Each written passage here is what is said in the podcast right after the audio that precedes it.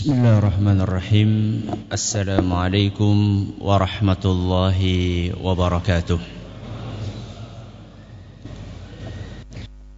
الحمد لله رب العالمين وبه نستعين على أمور الدنيا والدين وصلى الله على نبينا محمد وعلى آله وصحبه أجمعين أما بعد Kita panjatkan puja dan puji syukur kehadirat Allah Tabaraka wa Ta'ala. Pada kesempatan malam yang berbahagia kali ini Kita kembali diberi kekuatan, kesehatan, hidayah serta taufik dari Allah Jalla wa Ala.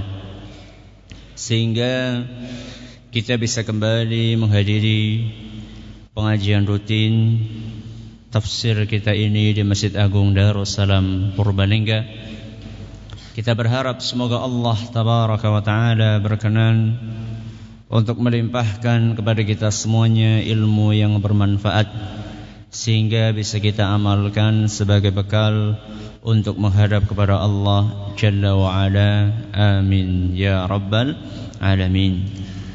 Salam dan salam semoga senantiasa tercurahkan kepada junjungan kita Nabi besar Muhammad sallallahu alaihi wasallam kepada para sahabatnya, keluarganya, dan umatnya yang setia mengikuti tuntunannya hingga akhir nanti.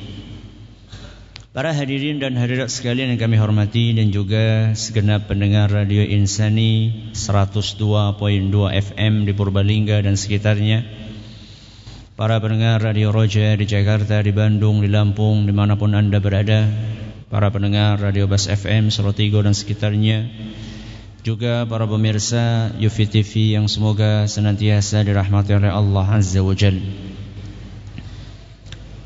Pada pertemuan terakhir kita kita sudah memulai pembahasan mengenai tafsir ayat yang terakhir ayat keberapa?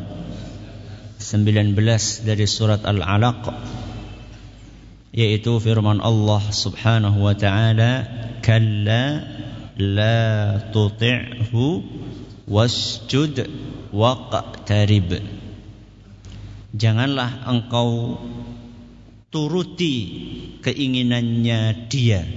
Keinginannya siapa? Abu Jahal. Kemudian Allah mengatakan wasjud dan sujudlah engkau waqtarib dan dekatkanlah dirimu kepada Allah. Kemarin salah satu pembahasan yang kita kaji adalah arti dari wasjud. Kemarin kita sudah jelaskan bahwa kata wasjud, sujudlah Para ulama mengatakan ada dua makna Yang pertama Solatlah Sujudlah itu artinya apa? Solatlah dalam arti nggak usah mempedulikan omongannya Abu Jahal. Abu Jahal menghalangi kamu untuk sholat, nggak usah dipedulikan. Akan tetapi tetaplah engkau sholat, wasjud, sholatlah engkau. Ini pendapat yang pertama dan sudah kita bahas kemarin. Hari ini kita akan membahas pendapat yang kedua. Wasjud maksudnya adalah lakukanlah sujud tilawah. Apa? Lakukanlah sujud tilawah. Insya Allah hari ini kita akan mengkaji tentang sujud tilawah. Mulai dari apa artinya, keutamaannya apa, mengapa kita sujud tilawah, caranya bagaimana, insya Allah kita akan bahas pada hari ini. Tentunya pertama kali kita akan bahas apa itu sujud tilawah. Kita mengetahui ada sujud syukur, ada sujud sahwi, ada sujud tilawah, ada sujud dalam sholat.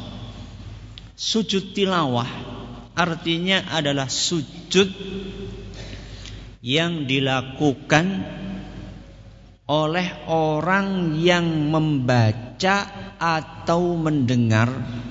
Saya ulangi, sujud tilawah adalah sujud yang dilakukan oleh orang yang membaca atau mendengar ayat-ayat sajdah. Saya ulangi, apa tadi? Sujud yang dilakukan oleh orang yang membaca atau mendengar ayat-ayat sajdah. Apa itu ayat sajdah? Ayat sajdah adalah ayat-ayat dalam Al-Quran yang di dalamnya ada perintah untuk sujud atau cerita tentang orang-orang yang sujud. Jadi ada ayat yang isinya perintah untuk sujud. Contohnya kayak surat Al-Alaq ayat berapa tadi? 19. Wasjud, sujudlah kamu. Ya. Ada juga ayat yang isinya cerita tentang orang-orang yang beriman yang sujud. Ini namanya ini namanya ayat-ayat saj sajdah. Poin berikutnya setelah kita mengetahui apa itu sujud tilawah. Poin berikutnya mengapa? Mengapa kita sujud tilawah? Tentunya kalau ditanya mengapa ya karena mengikuti tuntunan Rasul SAW. Itu jelas. Akan tetapi timbul pertanyaan apa hikmahnya? Ya. Kata para ulama, hikmahnya adalah ketika kita sujud kita itu sedang berinteraksi dengan Al-Qur'an. Karena Al-Qur'an di situ nyuruh untuk sujud, maka kita langsung sujud. Jadi kita itu membaca Al-Quran bukan sekedar membaca. Akan tetapi setiap kita mendapati sesuatu dalam Al-Quran yang menuntut kita untuk melakukan sesuatu, maka cepat-cepat kita menunaikan sesuatu tersebut. Sehingga kalau kita perhatikan dalam kehidupan Nabi kita Muhammad sallallahu alaihi wasallam, ketika beliau salat atau ketika beliau baca Quran, beliau akan selalu berinteraksi dengan Al-Quran. Apa yang dia baca? Disebutkan dalam sebuah hadis dari Hudzaifah radhiyallahu anhu Kata beliau menggambarkan bagaimana Nabi kalau baca Quran baik ketika sholat maupun di luar sholat. Karena idza marra bi ayati rahmatin sa'al. Rasul SAW kalau membaca ayat isinya kisah tentang rahmat Allah, tentang surga, tentang kenikmatan-kenikmatan Allah, Nabi langsung berdoa minta rahmatnya Allah. Jadi saat itu juga Nabi SAW langsung minta. Misalnya lewat tentang surga. Nabi SAW berdoa ya Allah masukkanlah aku ke ke surga. Sebaliknya, wa idza marra bi ayati adzabin istajara. Seandainya beliau membaca ayat isinya tentang neraka, apa yang beliau lakukan? Minta perlindungan dari neraka. Ya Allah, lindungilah aku dari neraka. Kalau dalam salat ya Allahumma ajirni minan nar. Ya Allah, lindungilah aku dari neraka. Wa idza marra bi ayatin fiha tanzihun lillahi sabbah.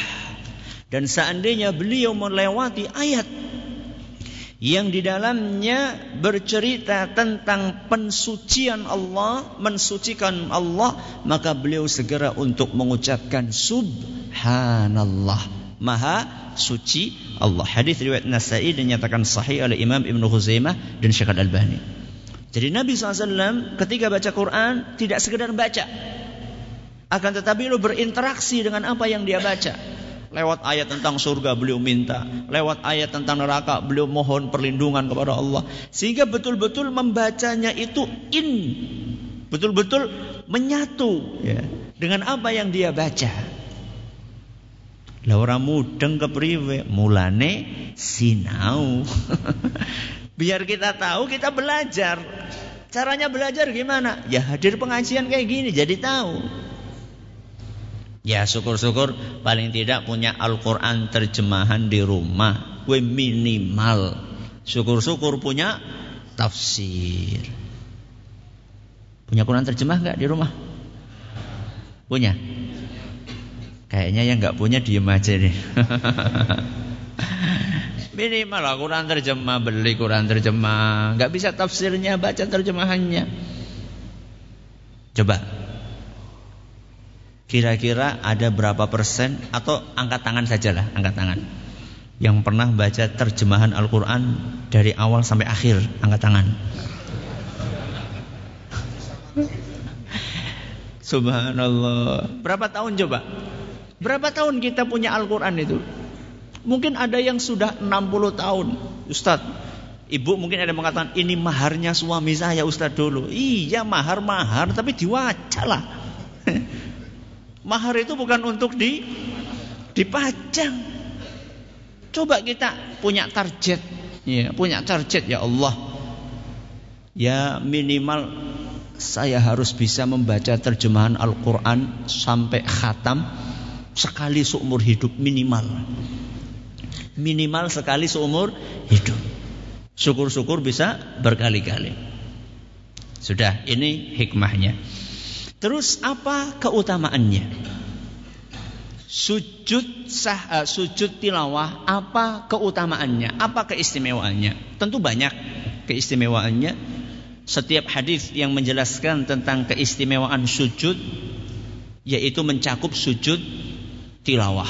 Akan tetapi ada satu hadis khusus yang menjelaskan tentang keistimewaan sujud tilawah secara spesifik yaitu sebuah hadis yang diriwayatkan oleh Imam Muslim dari Abu Hurairah radhiyallahu anhu bahwa Nabi kita sallallahu alaihi wasallam bersabda, "Idza qara ibnu Adam as-sajdata fasajada, i'tazala asy-syaitanu yabki." Seandainya seorang hamba membaca Al-Qur'an melewati ayat sajdah. Apa tadi ayat sajdah? Apa tadi ayat sajdah? Ayat yang isinya perintah untuk sujud atau cerita tentang orang-orang yang sujud. Itu ayat saj sajdah. Nabi kata Nabi SAW, seandainya seorang hamba membaca ayat sajdah, kemudian dia sujud, maka setan akan menyingkir, menjauh sambil nangis. Sambil apa? Nangis. Itu tok Ustaz keistimewaannya gawe setan nangis, gak cuma itu. Hmm. Gak sekedar membuat setan nangis. Yaqulu setan berkata, Ya wailah umira ibnu Adam bisujudi fasajada falahul jannah. Celakalah aku kata setan. Anak Adam disuruh untuk sujud dia patuh dan mau sujud sehingga dia berhak untuk mendapatkan surga ini jadi bukan sekedar membuat setan nangis akan tetapi ketika kita melewati ayat sajdah kemudian kita sujud maka dengan izin Allah Subhanahu wa taala kita akan mendapatkan surganya dan setan menyesal setelah dia mengatakan, oh anak Adam, celakalah saya. Anak Adam disuruh sujud, mau sujud. Dia dapat surga. Wa umirtu bis sujudi fa abaitu faliyannar. Sedangkan aku kata setan disuruh untuk sujud, tidak mau. Maka aku pun akan masuk ke dalam neraka. Hadis riwayat Muslim. Jadi ketika kita melakukan sujud tilawah kita akan dijanjikan untuk masuk ke mana? Ke surga. Ini poin berikutnya. Poin selanjutnya, hukumnya apa Ustaz? Apakah wajib atau sunnah? Menurut mayoritas ulama, jumhur mayoritas ulama, sujud tilawah ini hukumnya sunnah. Sujud tilawah ini hukumnya sunnah. Apa dalilnya? Dalilnya bahwa Nabi SAW pernah lewat ayat sajdah dan beliau tidak sujud. Beliau Nabi SAW pernah lewat ayat sajdah dan beliau tidak sujud. Dalam sebuah hadis yang diriwayatkan oleh Imam Bukhari dan Muslim, Zaid ibnu Thabit salah seorang sahabat Nabi SAW radhiyallahu anhu beliau berkata qara'tu 'ala nabi sallallahu alaihi wasallam wan najmi falam yasjud fiha Kata Zaid, aku pernah membaca surat Wan Najmi. Ini di ayat terakhirnya ada ayat yang bunyinya fasjudu lillahi wa'budu. Artinya apa? Sujudlah kalian kepada Allah dan beribadahlah kepadanya. Kata Zaid, saya pernah membaca surat An-Najm di hadapan Nabi SAW. Falam yasjud fiha. Nabi tidak sujud. Nabi tidak sujud. Berarti menunjukkan bahwa sujud itu hukumnya tidak wajib. Kalau wajib, pasti Nabi SAW akan melaksanakannya. Loh Nabi SAW kalau sunnah, eh, kalau memang itu disyariatkan, kenapa Nabi SAW tidak sujud? Ya ingin menjelaskan kepada umatnya bahwa itu hukumnya tidak wajib. Contohnya kayak sholat duha. Kayak sholat duha. Nabi SAW pernah nggak sholat duha. Tujuannya apa? Bukan untuk meremehkan sholat duha, enggak. Tapi ingin menjelaskan bahwa sholat duha itu hukumnya tidak wajib. Ini hukum. Sekarang masuk cara. Apa? Cara. Bagaimana cara sujud tilawah? Pertama, sujud tilawah itu cuma sekali. Ada sujud yang dua kali apa? Sujud sahwi. Sujud sahwi. Kalau sujud tilawah cuma sekali. Lewat ayat sajdah kemudian sujud sekali. Terus caranya persis kayak sujud biasa. Sujud biasa kayak apa? Ya biasa, kepala ditaruh di bawah, kemudian harus tujuh anggota nempel di atas lantai. Tujuh itu apa saja? Kepala, dua tangan, dua lutut, dua ujung jari-jari kaki. Ini berapa? Tujuh. Umirtu an asjuda ala sab'ati a'zum. Kata Nabi SAW, saya disuruh oleh Allah untuk sujud di atas tujuh anggota. Tujuh tulang. Dan kepala ini mencakup hidung. Ya, karena ada sebagian nuwun sewu le sujud niku kayak jengking, ya. Jadi kur kur badu ketok cuma uh, cuma jidatnya saja, cuma keningnya saja. Ini nggak benar. Bahkan Nabi SAW mengatakan famakin. Jadi kalau sujud itu ya yang mantep sujudnya. Jadi kalau sujud itu jangan formalitas. Mungkin ada sebagian orang lombok tambah pesek Ustaz. Allah ayo lah. Ya. Gak usah takut, ya. Kemudian tangan juga jelas nempel trap, ya. Lutut juga. Kemudian jari-jari yang belakang. Nah, ada sebagian orang jari-jari kakinya itu hanya sekedar ditaruh saja. Ini kurang sempurna. Yang sempurna itu di ditekan. Ditekan sampai sebagian jari-jarinya itu menghadap ke arah kiblat. Jadi bukan sekedar ditaruh saja. Ada sebagian orang kan sekedar ditaruh saja. Formalitas lah. Ya, sekedar formalitas taruh saja. Itu kurang sempurna. Yang sempurna adalah di ditekan. Ya, kalau bisa. Kalau bisa. Kalau sudah kaku ya ya sudah. Tapi kalau masih bisa, kenapa tidak? Kenapa? Tidak. Berarti cara sujudnya mirip persis seperti sujud biasa, sujud dalam sholat yaitu di atas tujuh anggota tubuh. Menurut pendapat yang paling kuat insya Allah tidak perlu diawali dengan takbiratul ihram. Jadi ketika baca misalnya wasjud waqtarib tidak perlu angkat tangan Allahu Akbar terus sujud nggak perlu. Tapi nanti kita akan jelaskan tetap mengucapkan Allahu Akbar. Tapi tidak perlu mengangkat tangan. Kalau takbiratul ihram kan artinya takbir sambil mengangkat tangan. Kalau ini cuma takbir saja.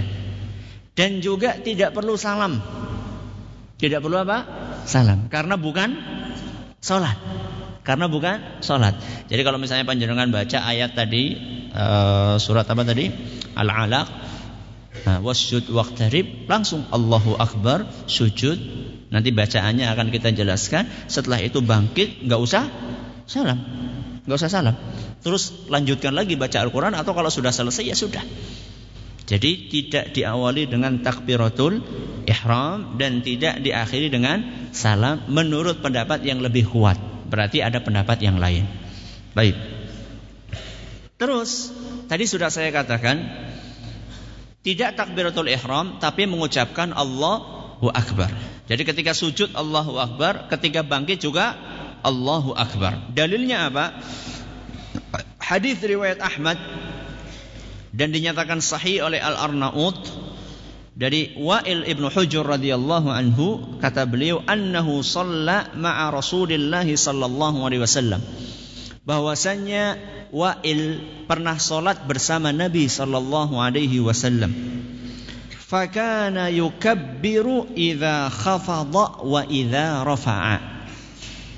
Dan Nabi sallallahu alaihi wasallam setiap akan sujud dan bangkit dari sujud selalu beliau mengucapkan takbir. Dan ini mencakup semuanya. Jadi ketika sujud, entah itu sujud apa saja, sujud syukur, sujud tilawah, sujud sahwi, Nabi Shallallahu Alaihi Wasallam bertakbir ketika akan sujud dan bertakbir pula ketika bangkit dari sujud. Kita ulangi, sujudnya berapa kali? Satu. Terus caranya sama kayak sujud biasa dalam sholat. Berikutnya tidak perlu takbiratul ihram dan tidak perlu salam, tapi tetap membaca takbir ketika sujud dan ketika bangkit. Apa yang dibaca? Apa yang dibaca? Ada beberapa alternatif bacaan. Yang paling gampang bacaan seperti kita sujud dalam sholat. Apa itu? Subhana Robbiyal a'la. Ini disebutkan dalam hadis riwayat Muslim. Dan Imam Ahmad berpendapat seperti ini. Dan ini tentu gampang banget ya. Insya Allah semuanya pada hafal. Atau alternatif yang lain, bacaan sujud juga Subhanakallahumma Rabbana wa bihamdika Allahumma gfirli. Ada yang baca pakai ini sujudnya? Ada. Jadi panjenengan bisa pakai subhana rabbiyal a'la, bisa pakai subhanakallahumma rabbana wa bihamdika allahumma firli. Ini hadis riwayat Bukhari dan Muslim. Nah, ada bacaan yang lainnya yang umum sering dibaca adalah sajada sajada wajhiya lilladzi khalaqahu wa sawwarahu wa syaqqa sam'ahu wa basarahu fatabarakallahu ahsanul khaliqin. Dawa teman Ustaz. ya kalau enggak bisa ya enggak apa-apa. Sing gampang nganggo apa? Subhana rabbiyal a'la. Ya, mungkin ada yang terbiasa baca ini sajada wajhiya lilladzi khalaqahu wa sawwarahu wa syaqqa sam'ahu wa basarahu tabarakallahu ahsanul khaliqin. Ini hadis riwayat Abu Dawud dan yang lainnya dinyatakan sahih oleh Imam Tirmidzi, Al-Hakim, An-Nawawi, Adz-Dzahabi, Al-Albani dan yang lain-lainnya. Sehingga boleh pakai itu. Dan masih ada beberapa bacaan yang lainnya itu contoh-contoh bacaan saja. Terus siapa yang suruh sujud? Yang membaca atau yang mendengar? Dua-duanya. Yang mendengar dan yang membaca. Juga disyariatkan untuk sujud. Dan itu pernah dipraktekkan oleh Nabi Shallallahu Alaihi Wasallam. Ya, diceritakan uh, Diceritakan dalam sebuah hadis dari Nabi sallallahu alaihi wasallam hadis riwayat Bukhari dan Muslim. Hadis riwayat Bukhari wa Muslim dari Ibnu Umar radhiyallahu anhuma kana yaqra'ul Qur'ana. Suatu hari Nabi SAW membaca Al-Qur'an. Fayaqra'u suratan fiha sajdatun. Beliau membaca surat di dalamnya ada ayat sajdah. Fayasjudu. Maka Nabi SAW pun sujud. Wanas judu ma'ahu. Dan kami para sahabat semuanya ikut sujud.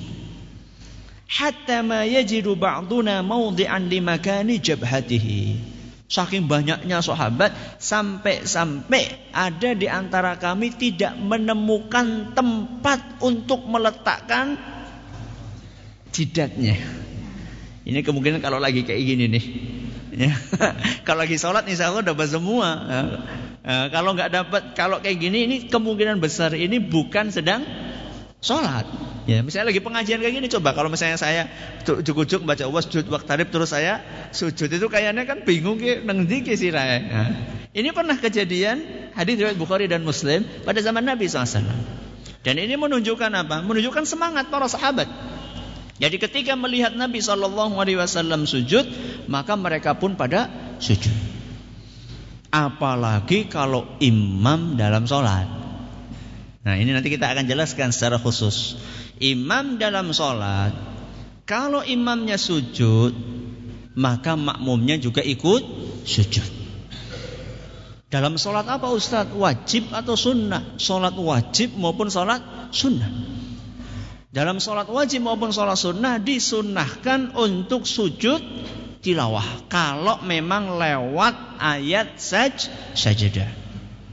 Kalau sholat sendirian gimana Ustaz? Termasuk sholat sendirian. Kalau jenengan sholat sendirian lewat ayat sajadah sunnah sujud. Termasuk juga berjamaah. Cuman mungkin di Indonesia belum terlalu umum. Nah, maka kayaknya, kayaknya nanti sholat isya kita mau praktek ini.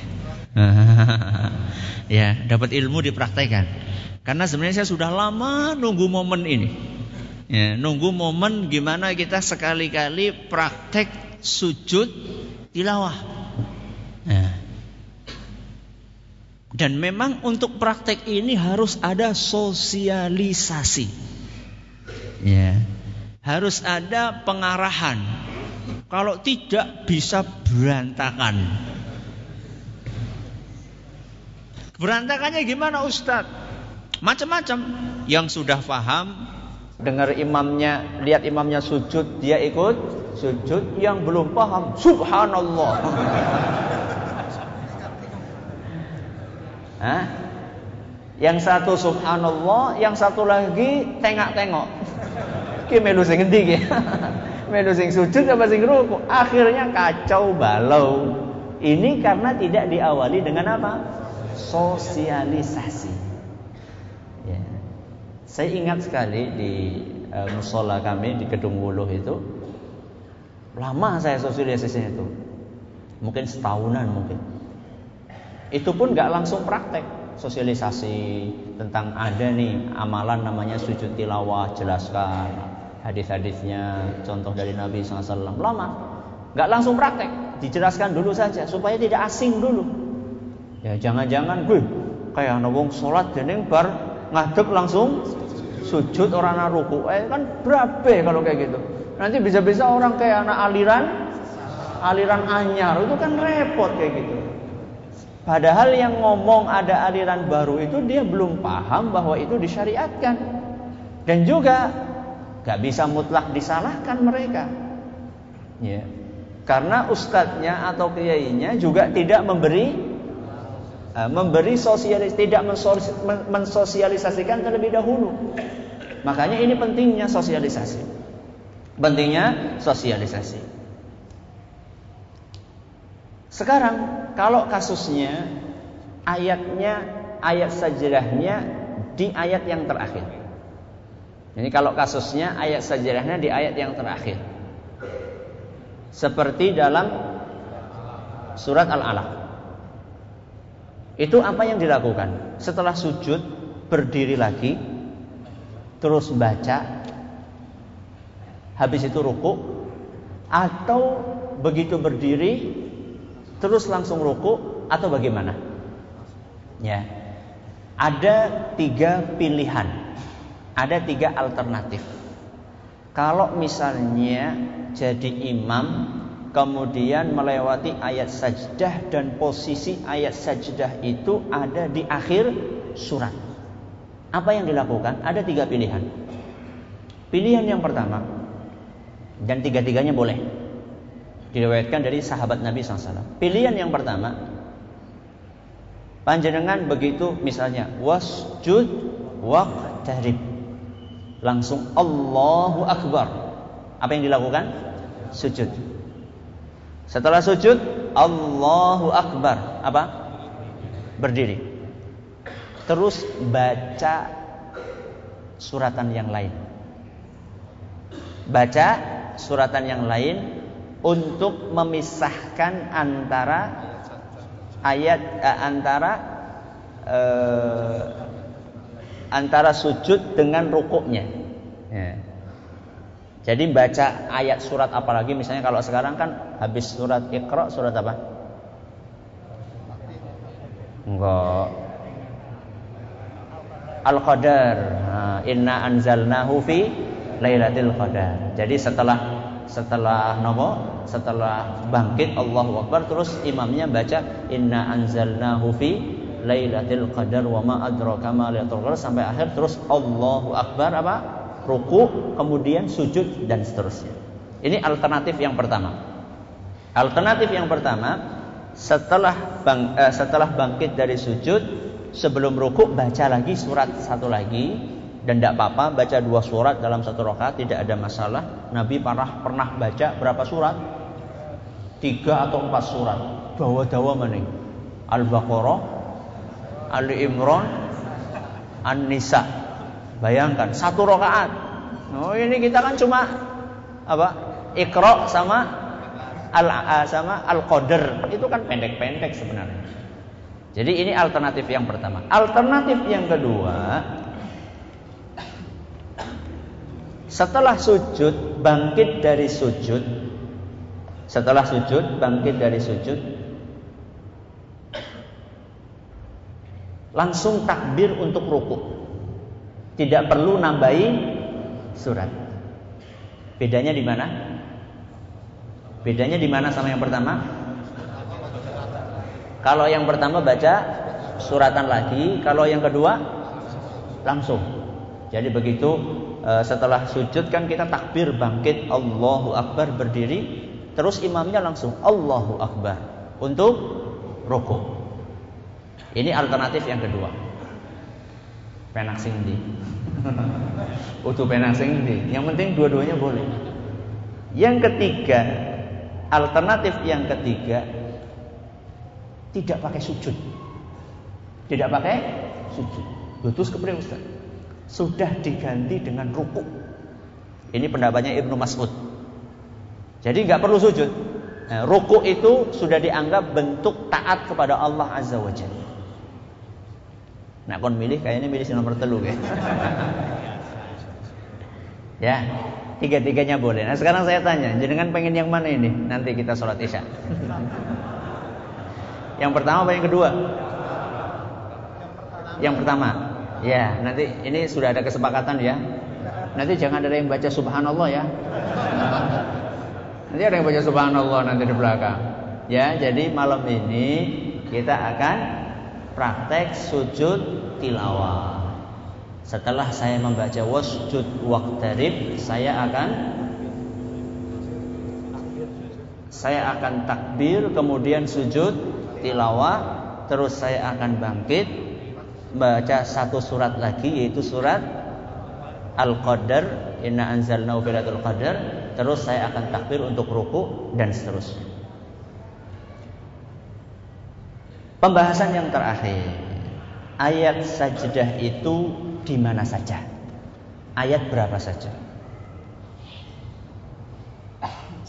Ada 14. Ada 14 tempat.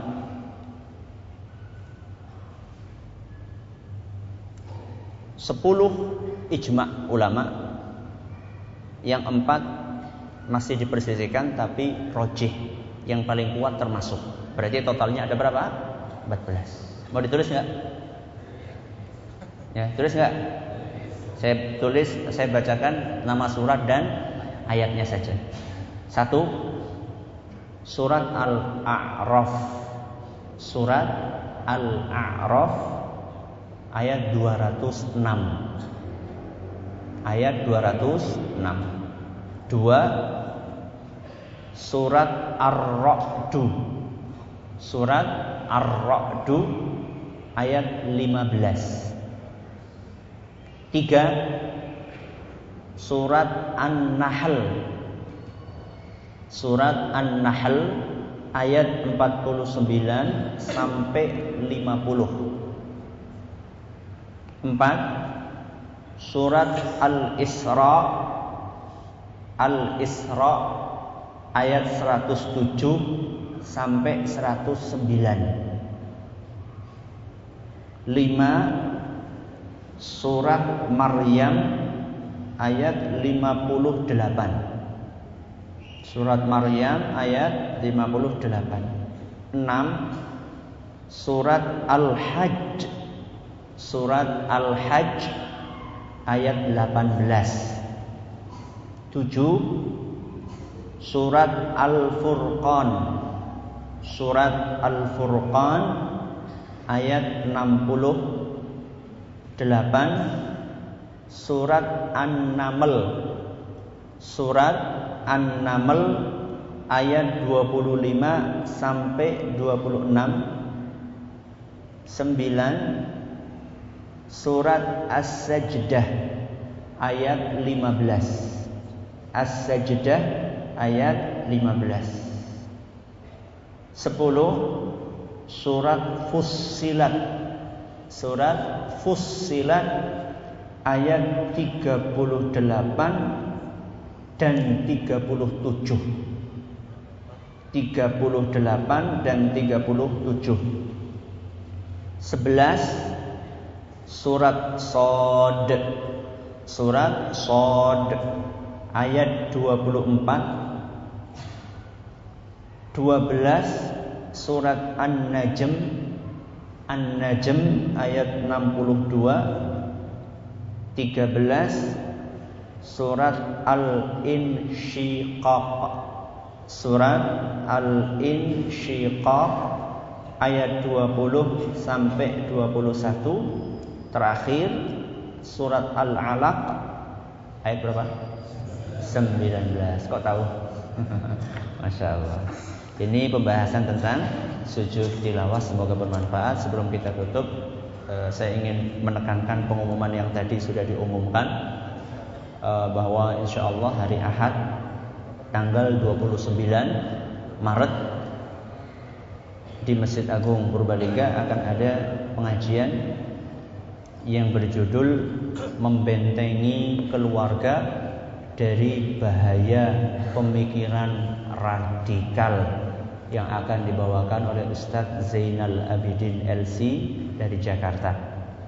Dan di hari yang sama akan ada pengajian di Masjid Agung Baitus Salam Purwokerto.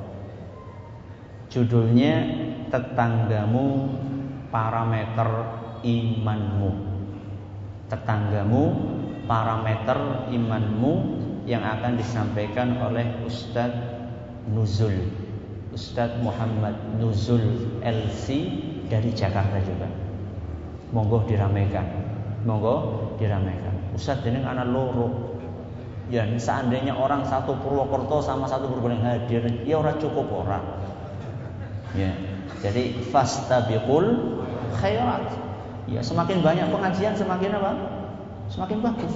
Ya, semakin banyak pengajian semakin bagus. Berlomba-lomba dalam kebaikan. Yang hadir di Purbalingga monggo, yang hadir di Purwokerto monggo, mari kita marakkan pengajian-pengajian di kota-kota kita. Ini yang dapat kami sampaikan. Tanya jawab insya Allah habis isya. Wallahu taala a'la wa alam. Subhanakallahumma wa bihamdika asyhadu an la ilaha illa wa atubu ilaik. Wassalamualaikum warahmatullahi wabarakatuh.